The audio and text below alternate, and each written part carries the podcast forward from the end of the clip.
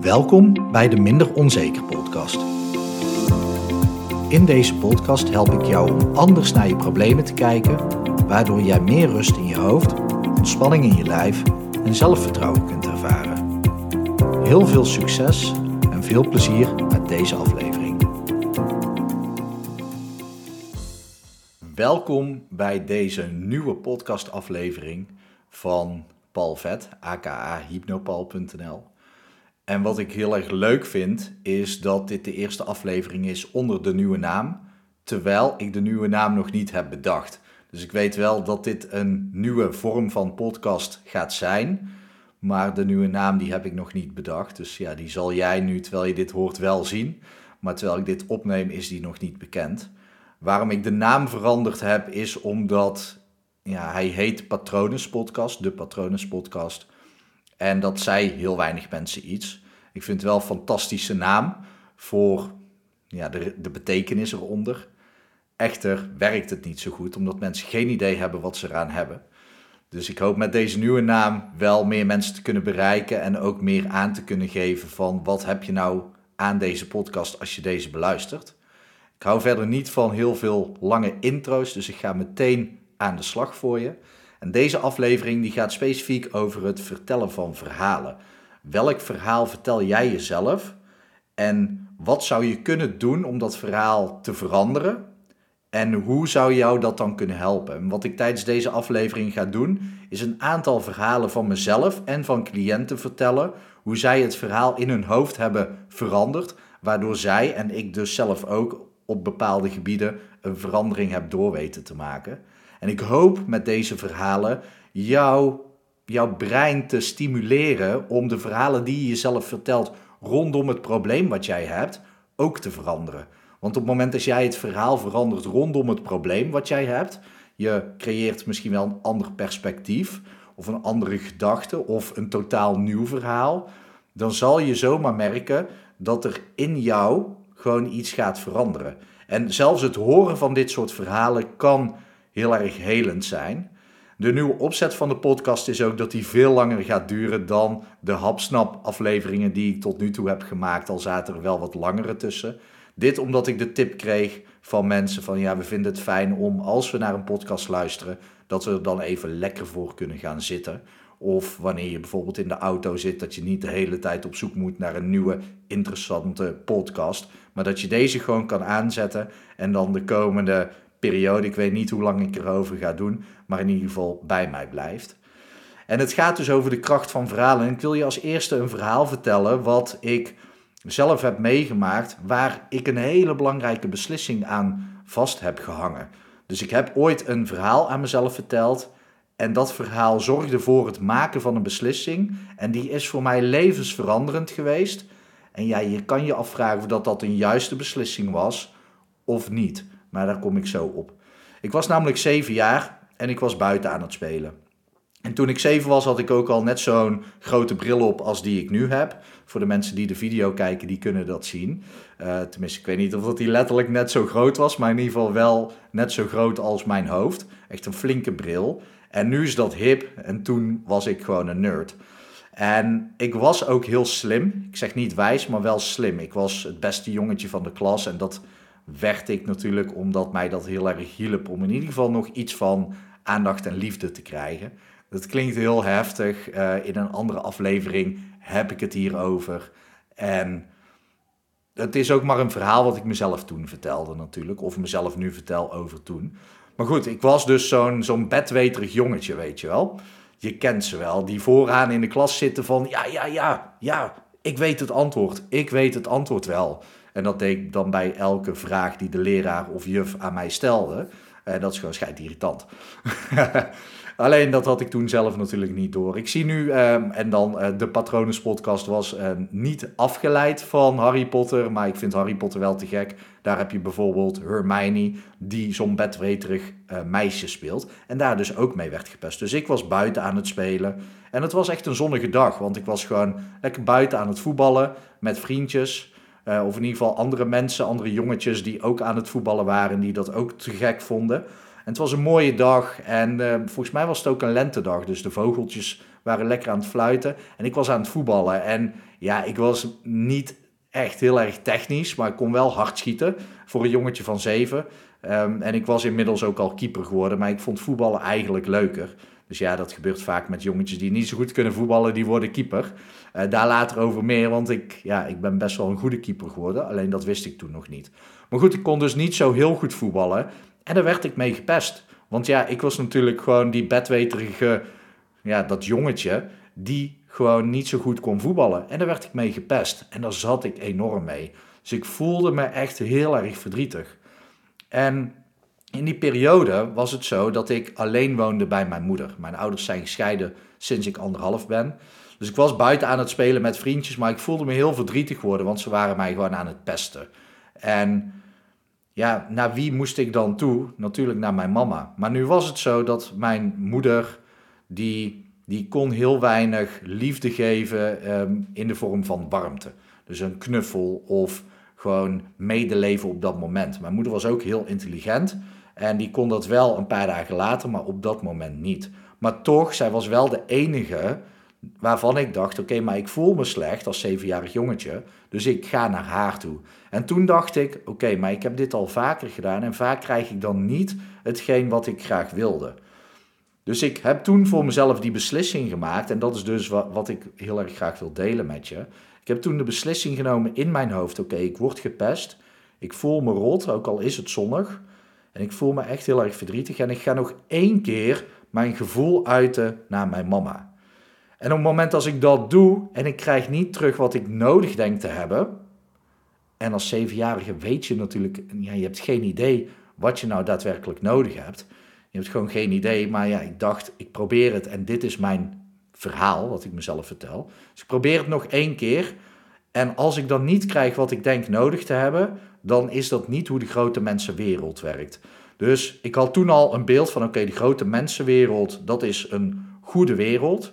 Um, en ik moet gewoon volwassen zijn om voor mezelf te kunnen zorgen. Dus ik ga nog één keer proberen om mijn gevoel te uiten. En als dat niet is wat werkt voor mij, dan is dat niet hoe de grote mensenwereld werkt. Dus een, een, een ja, verhaal wat ik mezelf vertelde, wat misschien wel, misschien niet klopt. Laten we dat even in het midden houden.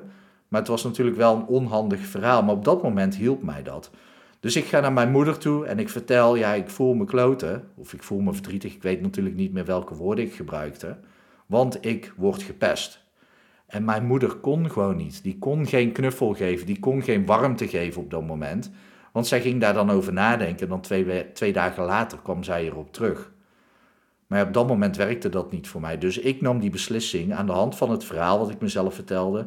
Dit is niet hoe de grote mensenwereld werkt. Dus wat deed ik toen? Ik sloot me voor alle gevoelens af. Ik was Fort Knox. Ik, ik bouwde gewoon een Chinese muur om mijn hart heen. Vanaf dat moment sloot ik mezelf voor verbinding met anderen. Want, had ik met mezelf afgesproken, als ik verbinding maak met anderen door middel van gevoelens, dan doet dat pijn. Dan voel ik dat. En ik wil die pijn niet meer voelen. Dus die beslissing nam ik op mijn zevende. En dan groei je op. En in het begin werkt dat heel goed natuurlijk, want ja, ik word niet meer gekwetst. Maar toen ben ik opgegroeid en opgegroeid en opgegroeid, totdat ik, ja, ik ben in tussentijd uh, kroegbaas geworden, DJ geworden. Dat is natuurlijk allemaal best wel buitenwereld gericht, terwijl muziek over je innerlijke wereld gaat. Dus dat is een onhandige combinatie, want daar had ik geen verbinding mee. Maar toen was het uiteindelijk 2012. En in 2012 zat ik op terras op Mallorca. En ik had een paar dagen daarvoor, op 4 juli 2012, had ik iemand leren kennen. En we raakten aan de praat. En we praten echt elke dag twee uur, tweeënhalf uur uh, buiten ons werk om. En ik had best wel een drukke baan op Mallorca. Ik werkte namelijk als manager, onderdeel van een managementteam en, laat, en dan s'avonds ook DJ. Um, dus ja, die spaarzame uren die ik had, was ik met haar in gesprek. En ik zat op een gegeven moment op de ras tegenover haar. En ja, natuurlijk was het ook warm. Het was in die periode gewoon 35 tot 40 graden. Op Mallorca, strandtent, uh, mooie bar. Heel de, heel de tent was een loungebar, dus helemaal wit met groene tinten. Het heette ook mint. En ja, de, er was lekkere muziek, van die lekkere lounge muziek, van die, ja, we missen het nu. Terwijl ik dit opneem, krijg ik gewoon bijna kippenvel, want op dit moment is die mogelijkheid er niet vanwege maatregelen. Maar stel jezelf gewoon voor, echt een lekker, lekker muziekje. Uh, volgens mij had ik ook gewoon een cocktail erbij of een biertje. Ehm, en ik zat tegenover haar op terras en zij vroeg aan mij, hoe was je jeugd? En ik zei, ja, niet best, maar iedereen heeft wel wat, toch? En die van jou. En zij, daar, daar nam zij geen genoegen mee, want ja, dit is natuurlijk ook gewoon een klote antwoord. en vooral eentje om het maar niet over te hebben. Maar goed, ik, ik had die muur nog om me heen. Dus ja, zij botste letterlijk tegen de muur op en kreeg hem gewoon terug. Maar zij nam er geen genoegen mee. Zij zei, nee, nee, nee, ik wil het gewoon weten. En ze keek me zo liefdevol aan, zo vol met medeleven, geen medelijden, maar echt gewoon medeleven. En ik kon het niet meer. Misschien was het de warmte, misschien was het de cocktail, misschien was het de lekkere muziek die mij in een andere staat van zijn bracht. Misschien was het de weinig slaap die ik had, omdat ik zoveel uren werkte en daarnaast ook nog met haar moest praten natuurlijk. Uh, wilde hè, niet moest. Uh, dus ik, ja, al die factoren bij elkaar, ik heb geen idee. Maar zij prikte in één keer door die muur heen. Door die Chinese muur sloopte zij gewoon bam. Zij sloopte gewoon die muur. En nou op de video zie je nu echt gewoon het beeld gewoon schokken alsof het daadwerkelijk gebeurde omdat ik ergens opsloeg. En ja, ik hield het niet meer. Ik kon het gewoon niet meer ophouden. Die muur was gewoon gesloopt en ik brak. Ik begon te janken, midden op terras, terwijl ik daar manager was, en ik begon gewoon te janken. En daarna toonde zij die warmte die ik dus in mijn jeugd miste op dat vlak. En die warmte zorgde ervoor dat ik dacht, wauw, wauw, deze binnenwereld die, waar ik nu opeens contact mee maak, ja, dat is gewoon zoveel anders. Dat is zoveel mooier, zoveel rijker, zoveel voller. Alsof de muziek opeens echt binnenkwam. Alsof ik voor het eerst ook de muziek hoorde. Alsof ik voor het eerst door had dat de wind op mijn wangen blies. Omdat ik op het strand zat in een strandtent met een vrouw die gewoon vroeg naar hoe ik me voelde. En dat kende ik niet. En dat maakte alles, gewoon alles wat ik hoorde, zag, voelde, misschien wel proefde en rook, gewoon in één keer voller. Alsof er gewoon iets werd aangezet in mij, waardoor ik opeens al mijn zintuigen kon gebruiken, in plaats van dat verdoofde gevoel wat ik had. Ja, en dat was zo fijn. En toen nam ik een nieuwe beslissing. Toen zei ik: Oké, vanaf nu zal ik me nooit meer afsluiten. Vanaf nu sta ik altijd open en ga ik mijn, met mijn gevoel gewoon dingen doen.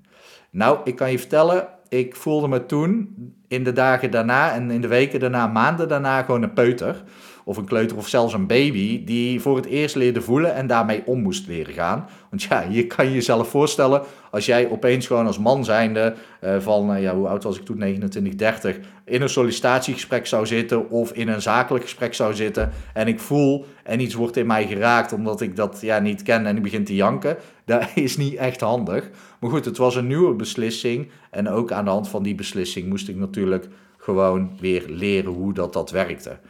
Ehm, wat ik hiermee vooral wil vertellen met dit verhaal is dat het toen ik jong was, toen ik die beslissing nam en zeven jaar was, toen hielp mij dit enorm. Toen kon ik namelijk niet gekwetst worden en dat zorgde ervoor dat ik op een bepaald niveau wel de kwaliteit van mijn leven hoog kon houden. Dus toen was dat enorm helpend. Dus het verhaal wat ik mezelf vertelde, de grote mensenwereld werkt niet zo, dus ik sluit me af, dat was een fantastisch verhaal. En vaak is dat met verhalen. Op sommige momenten helpt, helpen die je totdat het je niet meer helpt. En dan is het handig om een nieuw verhaal voor jezelf te creëren. Uh, want het ene verhaal is net zo goed niet waar als het nieuwe verhaal. Maar dan kan je maar beter een handig verhaal kiezen voor jezelf. Dus ik koos een nieuw verhaal. Oké, vanaf nu ga ik me openstellen. Nou, dat heb ik geweten. Ik ben gewoon zelf een zoektocht gestart naar van oké, hoe moet ik hiermee omgaan? Heb ik gewoon hulp bij ingeschakeld van psychologen, mensen die mindfulness cursussen geven, coachopleidingen gevolgd waarbij het voornamelijk over mij gaat in plaats van over de klant die ik toen had. Uh, want ja, ik moest eerst gewoon die ui van mezelf afpellen. Maar dat heeft heel veel teweeg gebracht nadat ik een nieuw verhaal vertelde aan mezelf. Dus voor jou ook handig om te bedenken van, hé, hey, welk verhaal vertelde jij je vroeger, jezelf vroeger, of vanuit vroeger tot aan nu? En misschien helpt dat niet meer. En welk verhaal zou je jezelf wel kunnen vertellen, wat nu wel helpend is voor jou? Dus dat is één. Dat is één manier dus om te bedenken van oké, welk niet helpend verhaal vertel ik aan mezelf en hoe kan ik een helpend verhaal daarvan maken wat mij wel helpt. En bij mij was het dus gewoon 180 graden gedraaid. Het was gewoon het tegenovergestelde. hey, de grote mensenwereld werkt juist wel door middel van emoties.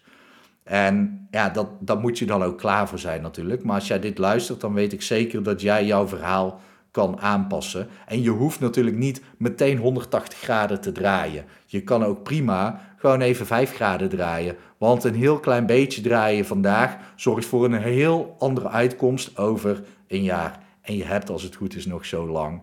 Uh, al is morgen nooit beloofd natuurlijk.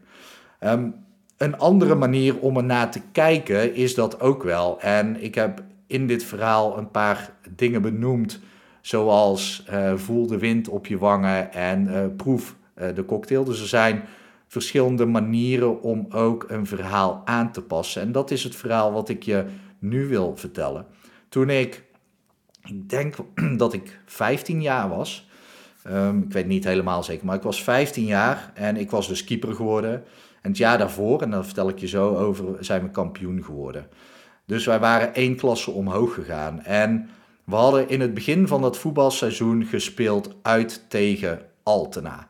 En Altena was de eerste club waarbij wij het zo moeilijk hadden dat wij gewoon met 4-1 van het veld zijn geveegd. Alle andere wedstrijden hadden wij het idee van oké, we maken een kans. En het was moeilijk. Het was echt wel een uitdaging dat, dat andere seizoen. Het seizoen daarvoor ging iets makkelijker, vertel ik zo.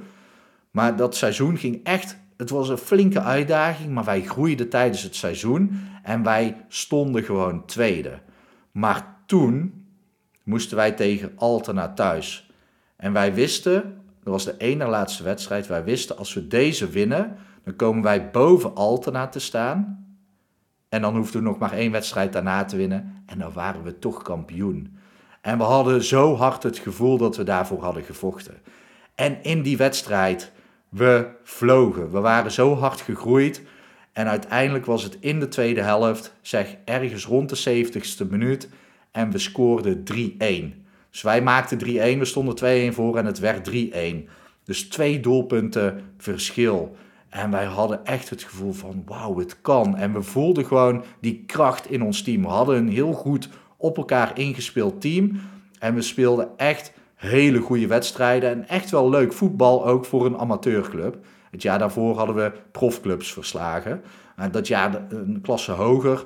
Um, want ja, ook profclubs hebben lagere klasses. Uh, bijvoorbeeld uh, de C1 is de allerhoogste uh, van een profclub. en wij zaten het jaar daarvoor bijvoorbeeld bij de C3 ingedeeld. Maar desalniettemin toch een profclub. Maar dit seizoen dus, hè, hogere klassen. En we voelden gewoon het kan. Nadat wij die 3-1 maakten, we voelden het aan alles. We hoefden nog maar 20 minuten vol te maken om gewoon te kunnen winnen.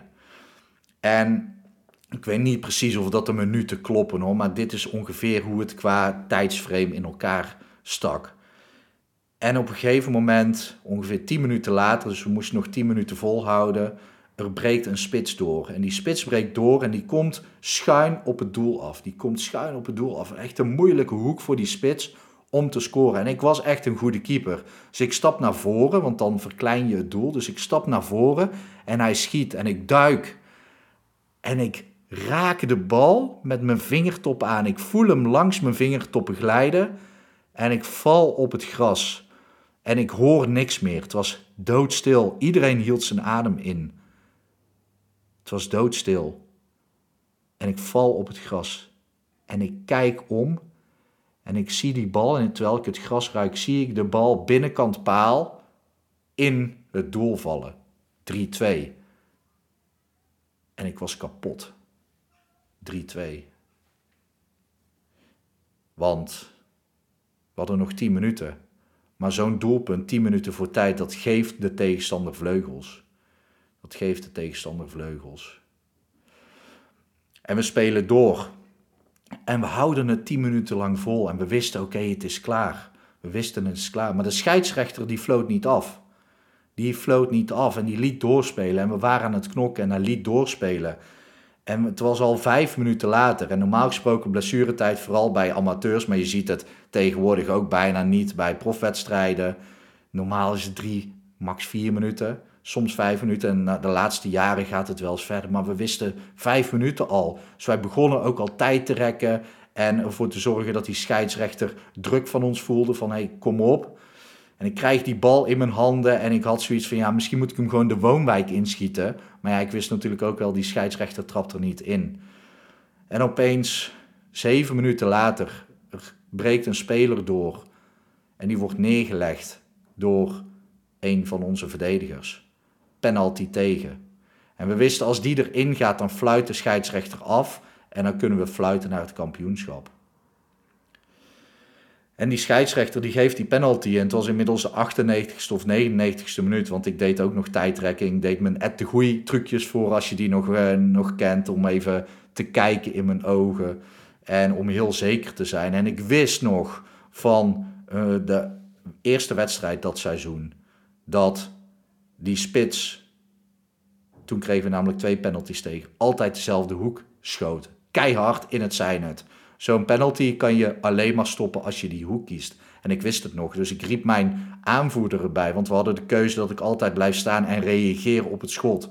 En ik zeg, ik weet dat nog van de vorige keer. Zal ik een hoek kiezen? Hij zegt, ja, doe maar. Dus mee komt die spits richting de bal gelopen. En wederom iedereen stil, want we wisten, dit is het moment. En hij komt richting de bal gelopen. En ik houd ook mijn adem in, want dan kan ik harder, kan ik sneller reageren. Dat is een hele goede techniek. En ik hoorde niks meer. En ik hield mijn adem in en hij loopt naar die bal toe en ik neig al richting de hoek. En mee dat hij die bal raakt, net daarvoor ziet hij dat ik die hoek in beweeg. Dus ik vlieg naar de hoek en hij kon zich net goed genoeg corrigeren, waardoor hij de bal heel slecht raakt. En die bal die rolt door het midden over het gras in het doel. En de scheidsrechter floot af. En ik kon mezelf wel voor mijn kop slaan. Want tien minuten daarvoor, als mijn nagels alleen maar langer waren, dat klopt niet, want ik had natuurlijk handschoenen aan, maar dat is het verhaal wat ik mezelf vertelde. Als, als mijn nagels alleen maar langer waren, of echt een milliseconde eerder zou ik naar de hoek vliegen, naar die bal, of bij die penalty, als ik nog wel de bal in het oog had gehouden en ik had alleen maar die beweging gemaakt, of ik had iets later die beweging gemaakt, dan had ik die penalty kunnen hebben of ik had dat andere schot kunnen hebben. Ik heb denk ik 10 minuten op het gras gelegen totdat mijn trainer kwam om mij op de schouder te tikken en zegt: Kom, je moet naar binnen. En normaal gaf ik de scheidsrechter altijd een hand, maar hij had acht minuten door laten spelen. Ik was er ziek van. Dus ik gaf de scheidsrechter de schuld, maar ik gaf vooral mezelf de schuld. Want het was een millimeter aan de ene kant en een milliseconde op het andere moment. En we hadden kampioen kunnen worden. En natuurlijk was er nog wel een kans daarna. De wedstrijd daarna kon, kon de tegenstander ook nog verliezen. Maar ja, hoe, hoe, waar is dat? Hoe werkelijk zou dat kunnen gebeuren? Hoe reëel is dat? Dat woord zocht ik. Ja, niet. Dus ik wist toen, oké, we hebben dit kampioenschap verloren. En ik had echt maagpijn. En ik heb daar heel veel last van gehad. Echt heel veel last van. Omdat als ik een millimeter verder naar links was gaan staan, had ik die bal gepakt. Als ik een milliseconde later had gereageerd, had hij waarschijnlijk gewoon in de hoek geschoten, had ik die bal gepakt. En ik heb dus het kampioenschap verspeeld. Zo kan het zomaar zijn dat jij ook een verhaal hebt waarbij je jezelf heel erg de schuld geeft. Maar stond ik alleen op het veld? Nee, ik stond natuurlijk niet alleen op het veld. Ik stond met tien andere spelers. Die ook allemaal een milliseconde eerder iets hadden kunnen doen. Of een bal had harder opgepompt kunnen zijn. Of zachter opgepompt kunnen zijn. Die scheidsrechter had eerder kunnen fluiten. Ehm, we hadden een doelpunt extra kunnen maken.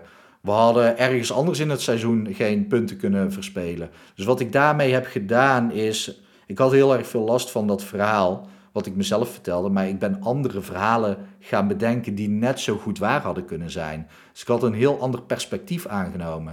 Ik ben eerst even vanaf een afstandje, dus alsof ik naar mezelf keek, die daar op het gras lag, even van een afstandje gaan kijken. En toen dacht ik, oké, maar ik mag ook gewoon fucking trots op mezelf zijn met wat wij allemaal hebben bereikt binnen dit team. Dat kan ook. En al die andere wedstrijden waar we punten hadden laten liggen, hadden we ook kunnen winnen. En was dat dan mijn fout of die van iemand anders uit het team? Ja, wij waren toen zo'n hecht team. Niemand gaf mij de schuld. Ik heb nergens de schuld van gekregen. Niemand. Want we deden het samen. Nou, dan kan ik dus ook moeilijk zeggen dat het mijn schuld is. Het was gewoon onze schuld. En dan nog, ja, kunnen we niet gewoon fucking trots zijn dat we gewoon tweede werden. Terwijl we een klasse hoger speelden. Waarvan we eigenlijk al dachten van, hmm, dat wordt een heel lastig jaar. Terwijl we gewoon tot het einde van het seizoen meededen voor het kampioenschap. Dus wat kan jij jezelf ook vertellen over het verhaal wat je jezelf vertelt? Wat is ook waar? Wat is ook waar? Wat had je, had je daadwerkelijk een, een andere optie in je leven? Misschien ben je daar wel van bewust dat je denkt, ja, ik, uh, ik denk dat ik andere opties had, maar is dat wel zo? Ligt het dan ook helemaal aan jou of ligt het aan uh, alle factoren samen? En kan je dan over al die factoren samen ook niet een verhaal bedenken? Um, ja, bij mij was het dan een millimeter. Ja, misschien geldt dat voor jou ook. Misschien als jij ergens twee minuten later was geweest of eerder was geweest, was iets ook niet gebeurd. Maar je kan niet alleen over dat moment hebben, terwijl er zoveel factoren meespelen. Dus ik wil je uitnodigen om over alle factoren van het verhaal wat jij jezelf vertelt, om daar eens e- expliciet over na te denken. En probeer dan eens te kijken of dat je jezelf een ander verhaal kunt vertellen over al die factoren. Misschien zelfs wel een positief verhaal. En dat is het andere verhaal wat ik je graag wil vertellen. Ik heb namelijk het, het seizoen daarvoor, zijn we kampioen geworden, had ik al verteld. En wij speelden toen tegen meerdere profclubs, onder andere NAC Breda, Feyenoord hebben we ook tegen gespeeld. En ja, we waren toen dat seizoen ook al enorm gegroeid. En het was wel heel tof dat seizoen om mee te maken dat wij profclubs konden verslaan. Wat ik zeg, niet de C-landelijk bijvoorbeeld, maar wel uh, de lagere divisies. Desalniettemin toch profclubs. Bovendien hebben wij toen in de beker ook wel gewonnen van hogere clubs die wel C-landelijk speelden. Uh, tegen Feyenoord speelden we gewoon ook tegen nummer 1 team. Daar speelden we te, uh, gelijk tegen overigens. Um, maar wij werden kampioen, dus dat was super vet. En toen mochten wij dus naar de arena, naar de, ik wou zeggen Johan Cruijff Arena, maar die, heette toen helemaal niet zo, want ik heb het nu over, wauw, dat is echt lang geleden, 24 jaar geleden. Dat is echt lang geleden. Johan Cruijff uh, schaal was het wel. Uh, de wedstrijd was de Johan Cruijff schaal. En wij liepen met het uh, voetbalelftal naar de arena toe, want daar mochten we dan bij aanwezig zijn. En dan waren we ook uitgenodigd om echt gewoon goede plaatsen te hebben. En de aanvoerder mocht dan vooraf naar een soort van sprekersbijeenkomst en een borrel. Uh, speciaal voor de aanvoerders van al die teams. Want het, eh, het was het initiatief Kampioenen voor Kampioenen. En eigenlijk zou Johan Cruijff daar zijn, maar helaas was hij er niet. Dus het was Frank Rijkaard en nog iemand. Ik ben dat alweer vergeten. Um, ik was niet de aanvoerder, ik was de reserveaanvoerder. Maar het team vond het zo tof wat ik had gedaan voor het team, dat ze zeiden, Paul, jij mag dit doen. Ik had dat seizoen ook maar 14 doelpunten tegen. Eh, volgens mij was dat ook het minste aantal in Nederland. Ik was dat seizoen ook uitgeroepen tot beste voetballer van het jaar. En dat is voor een keeper ook wel heel bijzonder. Dus ja, zij hadden tegen mij gezegd, jij mag daar naartoe. Dus ik naar die borrel. En daarna mocht ik, ik mocht, en ik heb dit verhaal eerder verteld, maar ik mocht een ereronde lopen in de arena.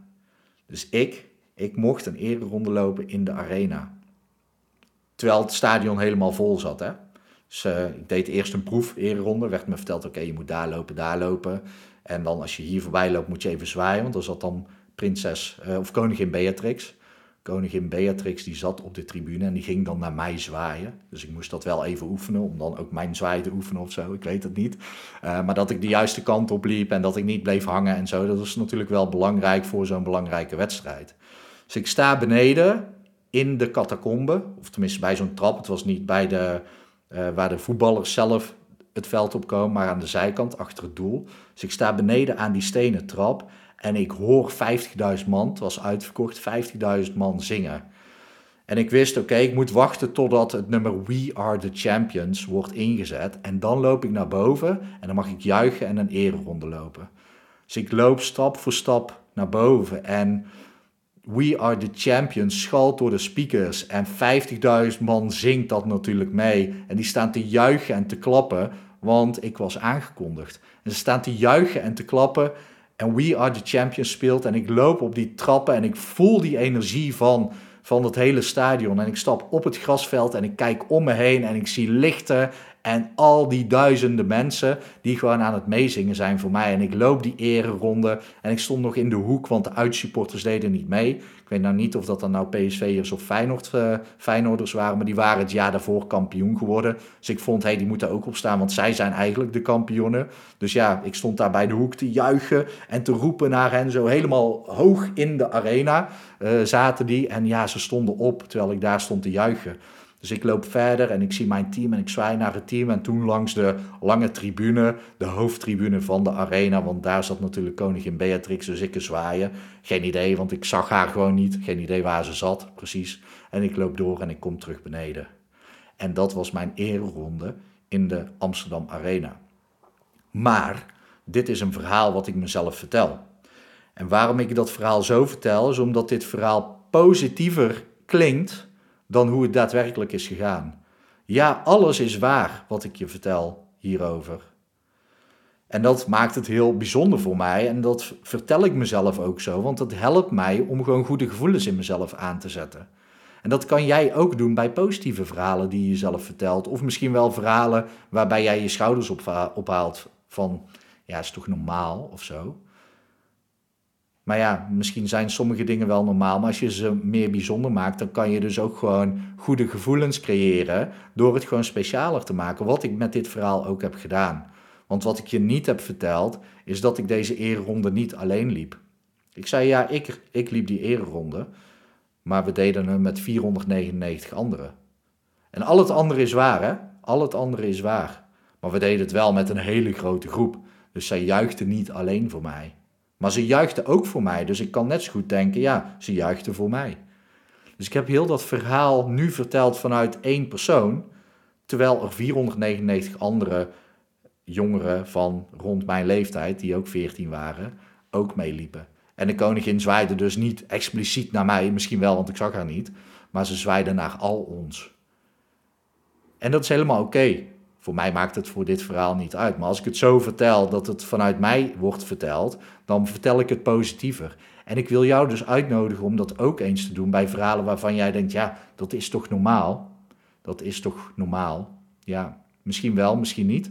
Maar je kan het gewoon positiever vertellen voor jezelf. Super belangrijk om dat te doen. En dan wil ik je ook nog een paar verhalen van cliënten vertellen van mij, omdat zij en dat is echt heel gaaf, dat kan jij ook, een beeld vormde van hun verhaal. En als je een beeld vormt van je verhaal, van het gevoel waar je bijvoorbeeld vanaf wil, dan kan jij in je gedachten dat beeld vervormen. Zo kwam er een keer, en dat vind ik echt heel tof, er was een, een cliënt en die zag mijn Instagram stories en daarin vertelde ik soms dat ik verbaasde cliënten heb. Die zitten dan zo verbaasd bij mij in de stoel van wow, wat gebeurt er? Ehm, en hoe kan het dat, dat het probleem gewoon in één keer weg lijkt te zijn? Dat zij mij een berichtje stuurde en zei: Paul, ik wil ook verbaasd zijn. Ik wil net zo verbaasd zijn als al die andere mensen. En zij moest ongeveer een uur rijden naar mij. En dat is niet eens de cliënt die het meeste, het verste moet rijden. Maar zij moest een uur rijden. En zij kwam dus een uur naar mij toe gereden, omdat zij zo graag verbaasd wilde worden. Dus zij stapte ook in mijn praktijk echt zo enthousiast, zo van, oh ja, kom op, ik wil verbaasd worden. Hele goede intentie, hele goede staat om jezelf in te zetten. Zo enthousiast was ze. En ze zit bij mij in de stoel en ik vraag haar, nou, wat is precies het probleem waar jij doorheen gaat werken? Dat is de vraag die ik altijd stel. En zij zegt, ja, het is nu uit tussen mij en mijn ex, maar ik heb er nog zoveel last van. Het is nog niet lang uit, maar wel al anderhalf jaar. En het wordt tijd om dat gewoon los te kunnen laten. En ik zag aan haar dat als zij het over haar ex had, dat ze dan soort van schuin naar voren keek, alsof hij daar stond. En ik vraag aan haar, oké, denk nu eens aan hem, waar staat hij hier dan in deze ruimte? En ze wees die plek aan waar ze naar keek natuurlijk. Want ja, dat had ik al door. Ik zeg, oké, sluit je ogen en hij staat daar. Stel je nu eens voor, zet hem eens achter je, in je verleden, daar waar hij, waar hij hoort. Laat hem achter je, laat het achter je. En zij is er heel even mee bezig met haar ogen dicht. En ze zet hem achter zich. En ik zeg, hoe voelt dat? Ja, een stuk rustiger. En ik zeg, wat gebeurt er nu als je nu naar voren kijkt? Met, met je ogen gesloten en zegt, wauw, zoveel rust. Zoveel rust. Ik zeg, en wat zou je daar dan willen doen? Wat zou je daar dan willen zetten in je leven? Zeg, nou, eerst even tijd voor mezelf. Ik zeg, en hoe ziet dat eruit? En ik weet niet meer precies wat zij daar wegzetten, maar voor jou misschien leuk om voor jezelf te bedenken. Hoe ziet dat eruit dat jij gewoon op nummer 1 mag staan? En zij zegt dat. Ik zeg, nou, en wat voor gevoel geeft dat je? Ja, wauw, een warm gevoel van binnen. Ik zeg, en als je nu met dit gevoel aan je ex denkt, wat gebeurt er dan nu? Toen zei ze, oh wauw. En ik zag haar schouders gewoon naar beneden zakken en ze zakte als het ware achterover in de stoel. Ik zeg, eh, op je eigen manier en tempo mag je ogen weer openen. En ze kijkt me aan, heel rustig opent zij haar ogen en ze kijkt me aan. En ik zie gewoon die verbazing in haar ogen. Ik zeg, hoe is het nu als je denkt aan waar je hiervoor kwam? Ze zegt, ik weet het niet meer. Het is helemaal weg, het is helemaal veranderd. Ik zeg, ben je verbaasd? Zegt, ja. Ik zeg, dat wilde je toch? Ja, maar ik ben echt heel erg verbaasd. Is dit het al? Zeg, ja, dit is het al. Nou, daar is de deur en tot, uh, tot ooit. Dat is natuurlijk niet het geval, dat is niet waar. Um, want daarna, op het moment als dat dus uh, vrijheid geeft, dan komen de dingen uh, naar boven die er echt toe doen. Maar in één keer had ze zoveel meer rust door alleen maar haar ex al achter zich te zetten. Loslaten is bijvoorbeeld ook onhandig om te zeggen als je zegt ik wil iets of iemand loslaten, dan zeg je tegen je onbewuste ik houd het vast.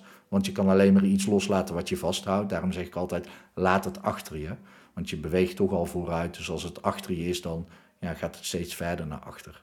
Maar zij had dus gewoon een plaatje gemaakt van, oké, wat is het probleem? Nou, in dit geval haar ex heeft ze achter zich gezet en klaar was het. Dus dat kan jij ook doen.